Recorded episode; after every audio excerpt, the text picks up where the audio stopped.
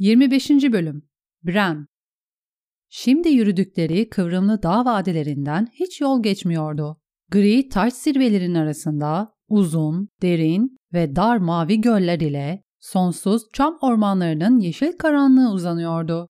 Yaşlı çakmak taşı tepelere tırmanmak için kurt ormanından ayrıldıklarında sonbahar yapraklarının kızıl ve altın renkleri azalmıştı ve tepeler dağlara dönüştüğünde renkler tamamen yok olmuştu. Şimdi üzerlerinde sonsuz bir bollukla gri yeşil muhafız ağaçları, alaçamlar, köknarlar ve askerçamlar yükseliyordu. Ağaçların altındaki bitki örtüsü cılızdı. Orman zemini koyu yeşil iğnelerle kaplanmıştı. Yollarını kaybettiklerinde ki bu birkaç kez olmuştu, sadece soğuk ve bulutsuz bir gecenin gelmesini bekliyor ve buz ejderhayı bulmak için gökyüzüne bakıyorlardı. Bir zamanlar Ayşa'nın söylediği gibi ejderhanın gözündeki mavi yıldız kuzeyi gösteriyordu.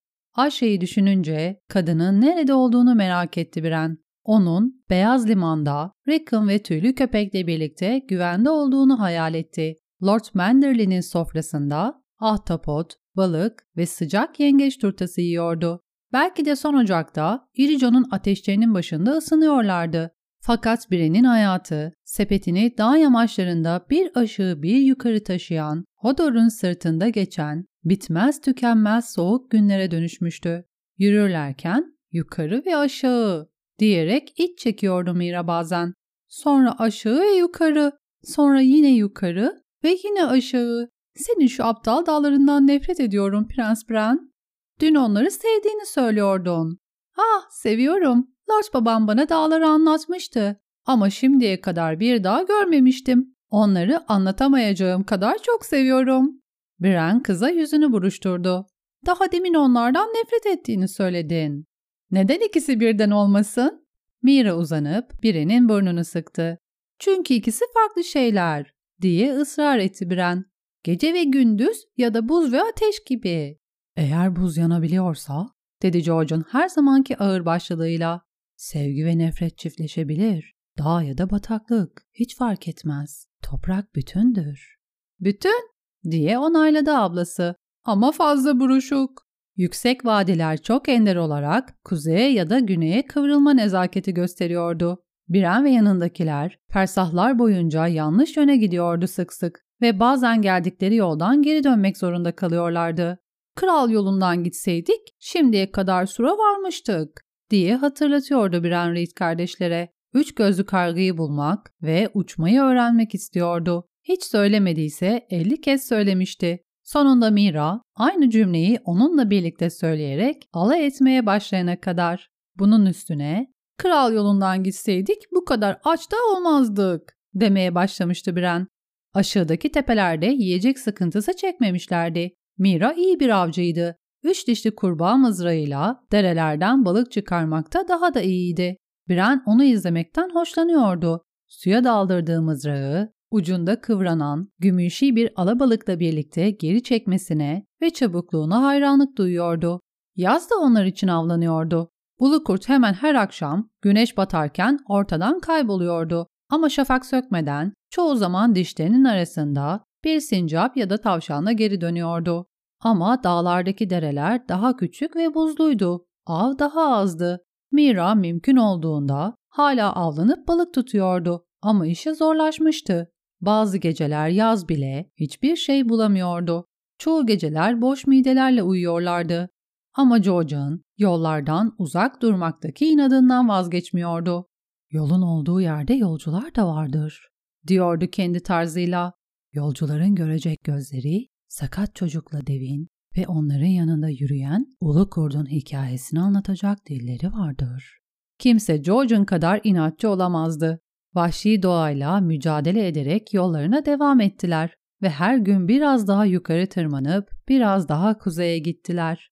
Bazı günler yağmurluydu, bazı günler rüzgarlı. Bir keresinde öyle şiddetli bir sulu kar fırtınasına yakalanmışlardı ki Hodor bile dehşet içinde bağırmıştı.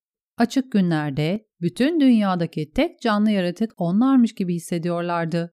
Bir keresinde kış yarı kadar büyük, granit bir yeryüzü tabakasının üstünde ''Buralarda kimse yaşamıyor mu?'' diye sordu Mirarit. ''İnsanlar var.'' dedi Biren. Amberların çoğu kral yolunun kuzeyindedir. Ama yaz mevsimlerinde koyunlarını yüksek çayırlarda oslatırlar. Buz koyu boyunca dizilmiş dağların batısında Wool'lar var. Harkley'ler arkamızdaki tepelerde. Not'lar, Liddle'lar, Nori'ler ve hatta bazı Flint'ler bu yüksek yerlerde. Bire'nin babasının annesinin annesi dağlarda yaşayan Flint'lerden biriydi. Yaşlı dadı, Bire'nin düşüşünden önce onu böylesine tırmanma delisi yapan şeyin o kadından gelen kan olduğunu söylemişti. O kadın Biren doğmadan yıllar, yıllar, yıllar önce ölmüştü gerçi. Hatta Lord Eddard bile doğmadan önce. Wool? dedi Mira. George'un savaşta babamızın yanında at süren bir Wool yok muydu? Sio Wool. George'un tırmanış yüzünden nefes nefeseydi. Ona eskiden kova derlerdi. Bu onların arması, dedi Biren. Kenarlarında gri ve beyaz damalar olan mavi zemin üstünde üç kahverengi kova. Lord Wool bağlılık yemini etmek ve babamla konuşmak için kış yarına gelmişti. Kalkanında kovalar vardı. Gerçek bir lord değil aslında. Yani öyle de insanlar ona sadece Wool diyor. Not, Nori ve Little da var. Biz kış yarında onlara lord diyorduk. Ama kendi insanları demiyor. Georgian Reed soluklanmak için durdu. Bu dağ insanları burada olduğumuzu biliyor mu sence? Biliyorlar. Dağ insanlarının onları izlediğini görmüştü Bren. Kendi gözleriyle değil, yazın çok az şeyi kaçıran daha keskin gözleriyle. Keçilerini ya da atlarını alıp kaçmaya çalışmazsak bize dokunmayacaklar. Dokunmadılar. Dağ insanlarından biriyle sadece bir kez birden paslak veren dondurucu yağmur yüzünden sığınak aramak zorunda kaldıklarında karşılaştılar. Kule gibi bir muhafız ağacının gri yeşil dallarının arkasındaki küçük mağarayı yaz koklayarak buldu. Ama Hodor taş çıkıntının altında başını eğdiğinde Biren mağaranın gerisindeki ateşin turuncu pırıltısını gördü. ''İçeri girin ve ısının.'' diye seslendi bir erkek sesi. ''Yağmuru hepimizin başından uzak tutmaya yetecek kadar taş var.'' Adam onlara yulaflı kek, kan sosisi ve taşıdığı deri mataradan birer yudum bira ikram etti. Ama ne adını söyledi ne de onlarınkini sordu. Onun bir Lidl olduğunu tahmin etti bir an. Adamın sincap derisi pelerininin yakasını altın ve bronzdan dökülmüş ve kozalak şeklinde dövülmüş bir toka tutuyordu. Lidl'ların yeşil beyaz kalkanlarının beyaz yarısında da kozalak olurdu. Sur çok mu uzak? diye sordu bir an yağmurun dinmesini beklerlerken. Uçan kuzgunlar için çok uzakta değil, dedi Lidl. Eğer bir Lidl'sa Kanatları olmayanlar için daha uzakta. Bahse girerim ki kral yolundan gitseydik diye başladı Biren. Şimdiye kadar sıra varmıştık diye onunla birlikte bitirdi Mira. Liddell bıçağını çıkarıp bir sopayı yontmaya başladı. Kış yarında bir Stark olduğu zamanlarda bakire bir kız isim günü elbisesiyle kral yolunda yürür ve yine de taciz edilmezdi. Yolcular hanlarda ve karakollarda ateş, ekmek ve tuz bulabilirdi. Ama şimdi geceler soğuk ve kapılar kapalı. Kurt ormanında mürekkep balıkları var. Derisi üzülmüş adamlar yabancıları sorarak kral yolunda dolaşıyorlar. Reed'ler bakıştı. Derisi üzülmüş adamlar? dedi George'un.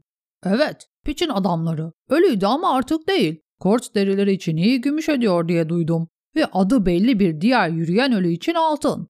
Adam bunları söylerken Biren'e ve Biren'in yanında uzanan yaza bakmıştı. Sura gelince diye devam etti. Benim gitmek isteyeceğim bir yer değil. Yaşlı ayı nöbeti tekinsiz ormana götürdü ve oradan sadece adamın kuşları geri döndü. Çok azı mesaj taşıyordu. Kara kanatlar, kara haberler derdi annem eskiden. Ama kuşların sessiz uçması bana daha da kara görünür. Sopasıyla ateşi karıştırdı. Kış yarında bir Stark varken farklıydı. Ama yaşlı kurt öldü ve genç kurt taht oyunları oynamak için güneye gitti. Bize sadece hayaletler kaldı. Kurtlar tekrar gelecek, dedi George'un ciddi bir tavırla. Peki bunu nereden biliyorsun evlat? Rüyamda gördüm. Bazı geceler rüyamda dokuz yıl önce gömdüğüm annemi görüyorum, dedi adam. Ama uyandığımda bize geri dönmüş olmuyor.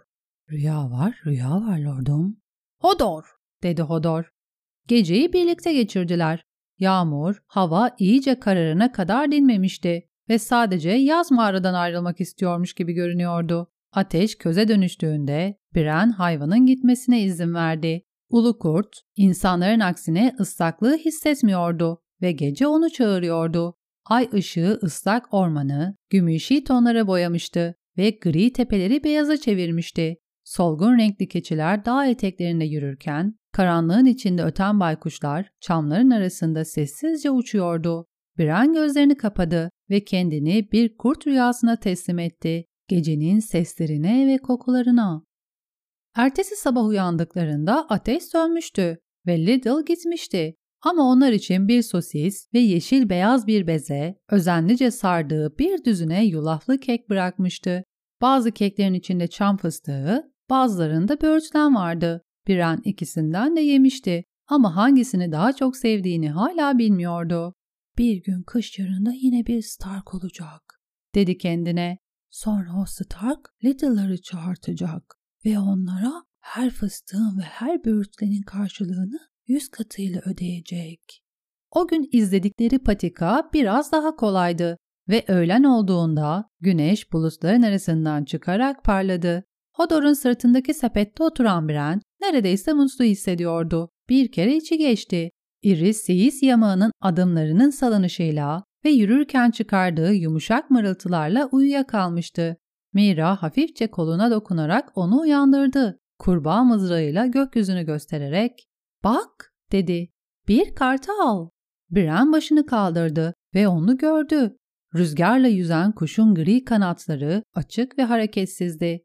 Kartal daireler çizerek daha yükseğe tırmanırken Bren dünyanın çevresinde böyle hiç çaba harcamadan süzülmenin nasıl olacağını merak ederek gözleriyle onu takip etti. Tırmanmaktan bile güzel. Kartala ulaşmayı denedi. Gökyüzüne yükselmek ve yazla birleştiği gibi kartalla birleşmek için aptal ve sakat bedenini terk etmeye çalıştı. Yeşil görenler bunu yapabiliyor. Benim de yapabiliyor olmam gerek.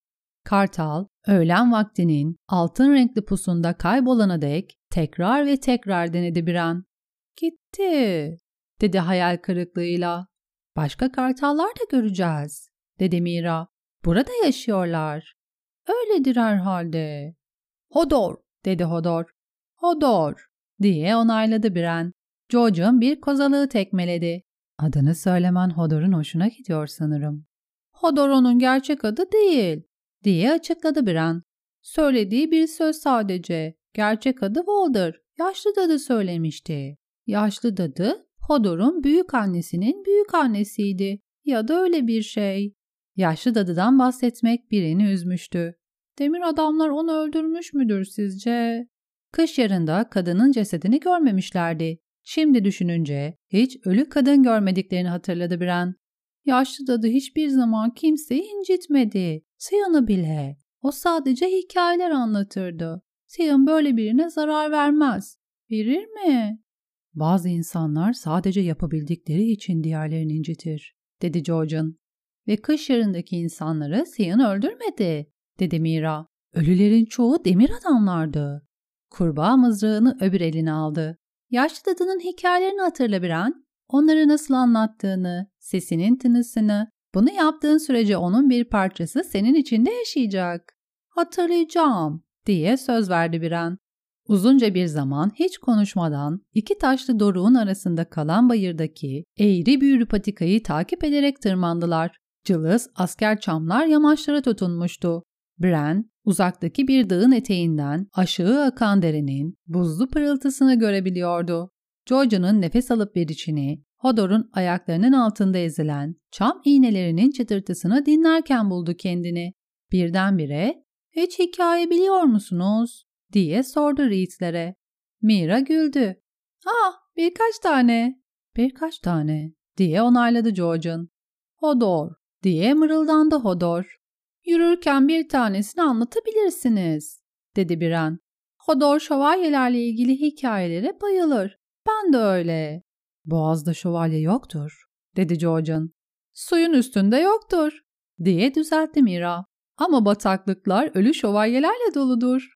Bu doğru, dedi Georgian.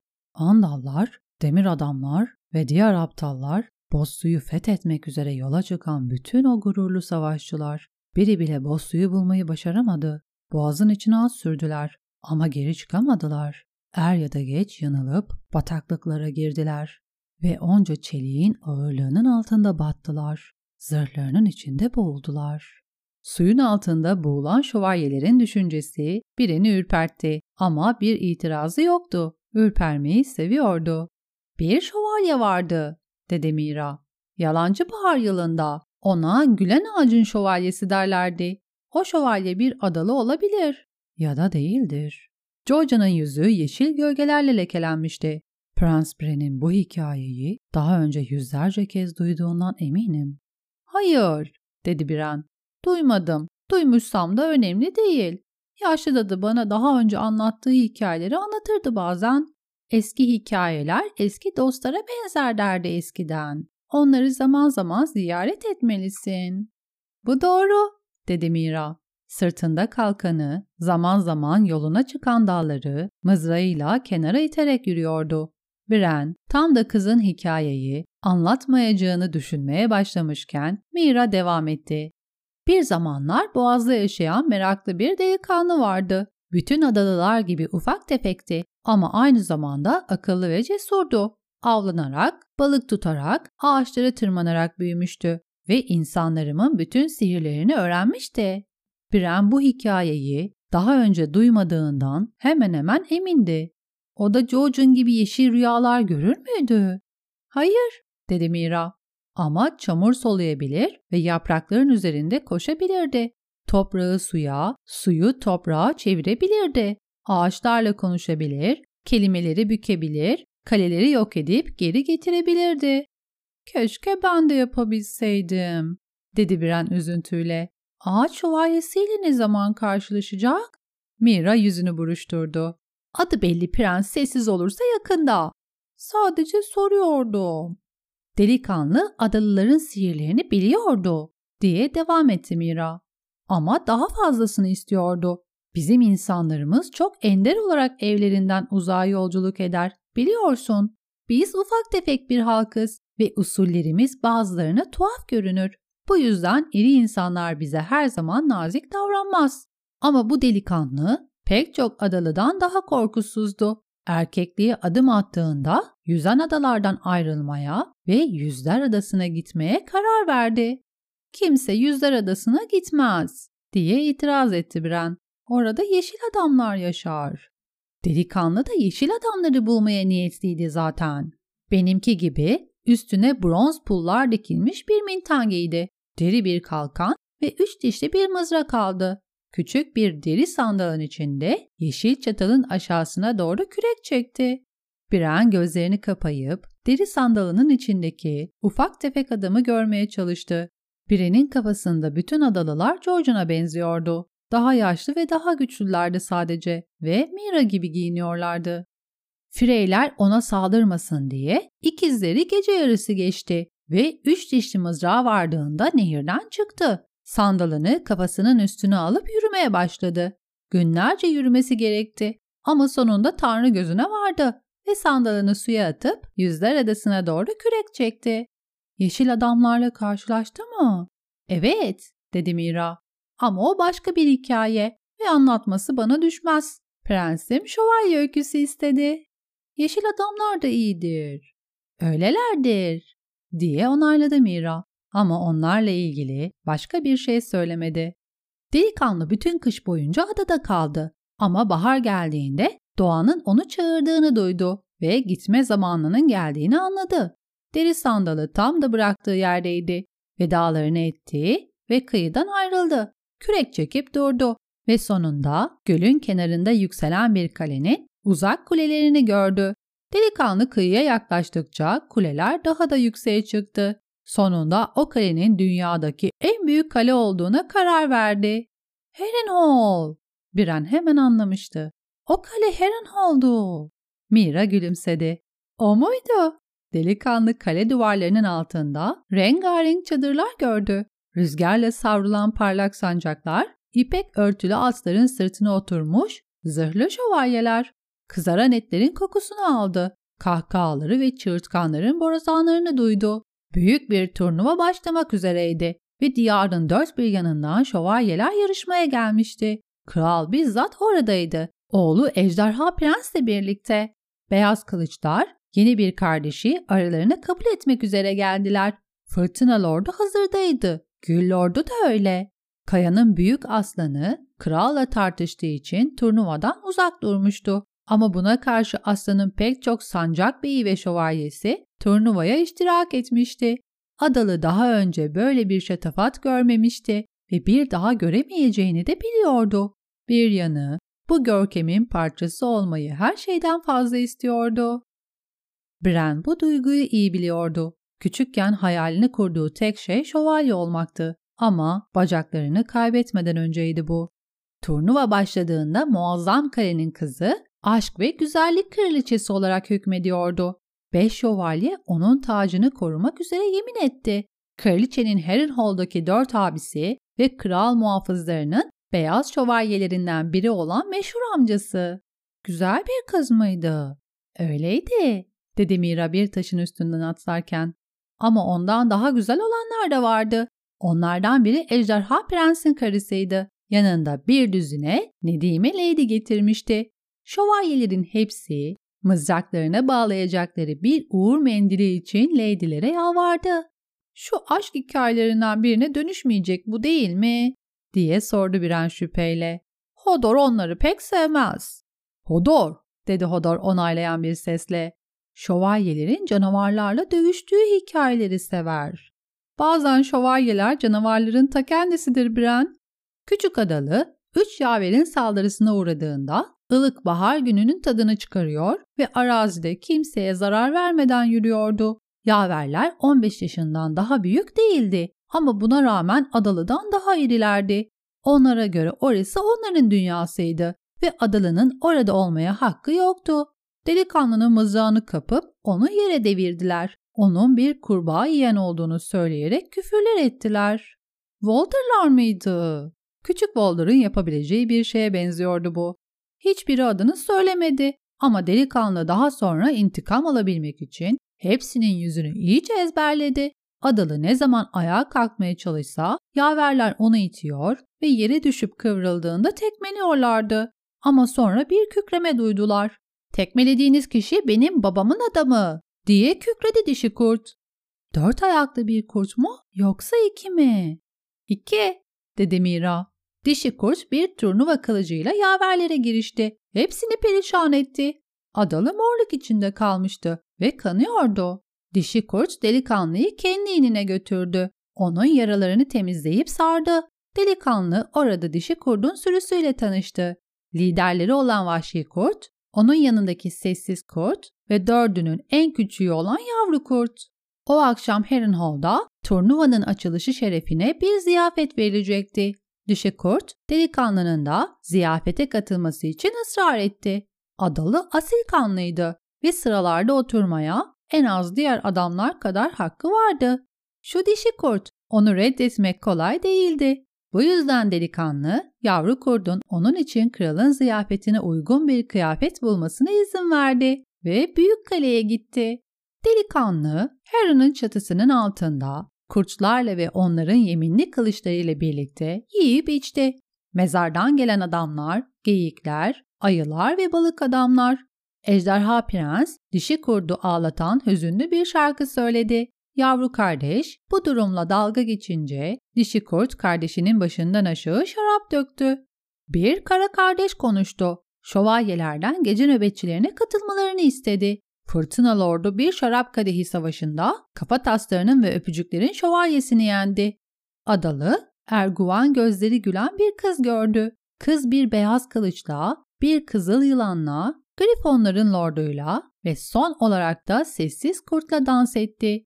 Ama danstan hemen sonra vahşi kurt oturduğu sıradan kalkamayacak kadar utangaç olan kardeşi adına kızla konuştu. Adalı o cümbüşün ortasında ona saldıran üç yaveri gördü. Yaverlerden biri bir dirgen şövalyesine, diğeri bir kirpiye ve sonuncusu da cübbesinde iki kule olan bir şövalyeye hizmet ediyordu. Bütün adalıların çok iyi tanıdığı bir arma. Fireyler, dedi bir an. Geçitin fireyleri. O zaman da öyleydiler, diye onayladı Mira. Dişi kurt da yaverleri gördü. ve onları abilerine gösterdi. Senin için bir at ve uygun bir zırh bulabilirim diye önerdi yavru kurt. Ufak tefek adalı ona teşekkür etti ama bir yanıt vermedi. Kalbi parçalanmıştı. Adalılar birçok insandan daha küçüktür ama onlar kadar gururludur. Delikanlı şövalye değildi. Onun halkından hiç kimsenin olmadığı gibi. Biz bir atın sırtından çok bir teknede otururuz ve ellerimiz kürekler için yaratılmıştır, mızraklar için değil. Delikanlı her ne kadar intikam almak istiyorsa da kendini aptal durumuna düşürüp insanlarını utandıracağından korktu. Sessiz kurt delikanlıya geceyi onun çadırında geçirmesini önerdi. Ama uyumadan önce göl kıyısında diz çöktü. Suyun karşısına Yüzler Adası'nın olduğu yere doğru baktı. Kuzeyin ve Boğaz'ın eski tanrılarına dua etti. Bu hikayeyi babandan duymadın mı hiç? diye sordu George'un. Hikayeleri yaşlı dadı anlatırdı. Mira devam et. Burada kesemezsin. Hodor da aynı şekilde düşünüyor olmalıydı. Hodor dedi. Sonra da Hodor, Hodor, Hodor, Hodor. Pekala dedi Mira. Gerisini duymak istiyorsan Evet, anlat. Beş günlük bir mızrak müsabakası planlamıştı, dedi Mira. Yedi köşeli muazzam bir meydan dövüşü de vardı. Ok müsabakası, çekiç atma, bir at yarışı ve şarkıcı turnuvası. Bunları boş ver. Bren, Hodor'un sırtındaki sepetinde sabırsızca kıpırdanıyordu. Mızrak müsabakasını anlat. Prensim nasıl emrederse. Kalenin kızı aşk ve güzellik kraliçesiydi. Onu savunacak dört abisi ve bir amcası vardı. Ama bütün Harrenhal oğulları turnuvanın ilk gününde yenildi. Onları yenenler teker teker bozguna uğrayıp silinene kadar kısa bir süre şampiyon olarak hüküm sürdüler. Aslında ilk günün sonu Kirpi Şövalyesi'nin şampiyonlar arasında kendine bir yer bulduğunu gördü. İkinci günün sabahında Dirgen Şövalyesi ve iki kulenin şövalyesi de zafer kazanmışlardı. Ama ikinci gün akşam üstüne doğru alanda gizemli bir şövalye belirdi. Pren bilmiş bir şekilde başını salladı. Turnuvaların çoğunda yüzlerini saklayan miğferleri ve tuhaf bir arma taşıyan yahut tamamen boş olan kalkanlarıyla gizemli şövalyeler ortaya çıkardı. Bazıları kılık değiştirmiş ünlü şövalyeler olurdu. Bir keresinde ejderha şövalyesi kız kardeşini kralın metresi yerine aşk ve güzellik kraliçesi ilan edebilmek için gözyaşı şövalyesi olarak bir turnuva kazanmıştı. Cesur Barristan da iki kez gizemli şövalye zırhı kuşanmıştı ve ilkinde daha 10 yaşındaydı. Bahse girerim ki küçük adalıydı. Kim olduğunu kimse öğrenemedi, dedi Mira. Ama gizemli şövalyenin endamı küçüktü ve döküntülerden devşirilmiş zırhı üstüne oturmamıştı. Kalkanındaki arma eski tanrıların yürek ağacıydı. Kırmızı bir gülen suratı olan bir büvet ağacı. Belki de Yüzler Adası'ndan gelmişti, dedi Bren. Yeşil miydi?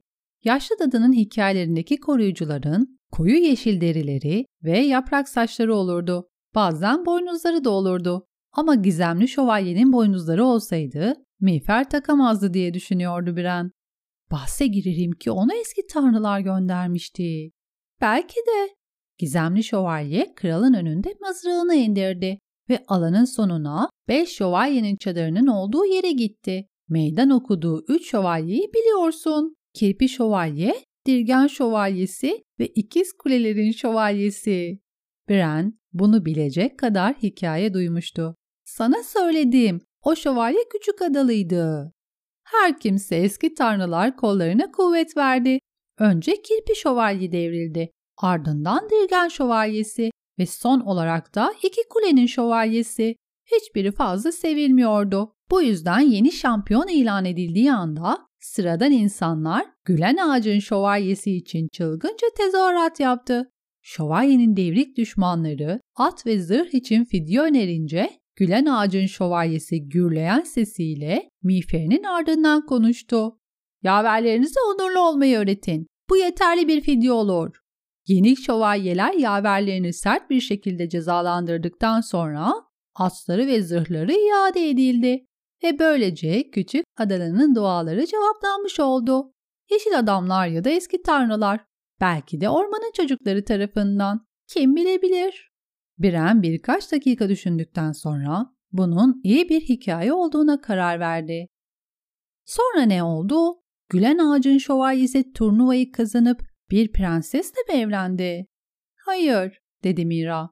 O gece Büyük Kare'de hem Fırtına Lord'u hem de kafa taslarının ve öpücüklerin şövalyesi gizemli adamın maskesini çıkaracaklarına dair yemin ettiler ve bizzat kral o miğferin arkasındaki yüzün onun düşmanı olduğunu duyurarak adamlarını gizemli şövalyeye meydan okumaya teşvik etti.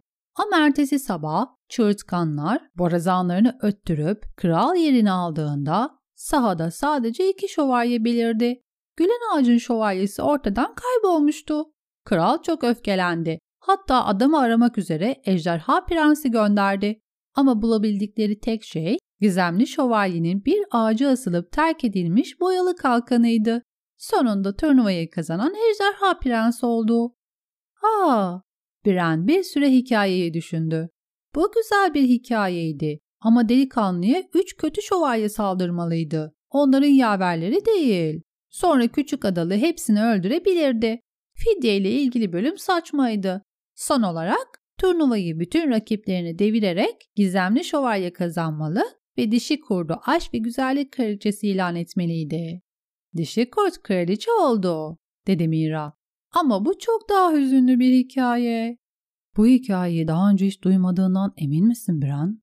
Diye sordu George'un. Lord baban hiç anlatmadı mı? Bran kafasını iki yana salladı. Gün kararmaya başlamıştı artık. Uzun gölgeler dağ eteklerinden aşağı sürünüyor, çam ağaçlarının arasına kara parmaklar uzatıyordu. Eğer küçük adalı yüzler adasına gidebildiyse ben de gidebilirim belki. Bütün hikayeler yeşil adamların tuhaf güçleri olduğu konusunda hemfikirdi. Belki onlar birinin tekrar yürümesine yardım edebilirdi. Hatta onu bir şövalyeye bile dönüştürebilirlerdi. Sadece bir günlüğüne de olsa küçük adalıyı bir şövalyeye dönüştürdüler diye düşündü. Bir gün bile yeterdi. 25. bölümün sonu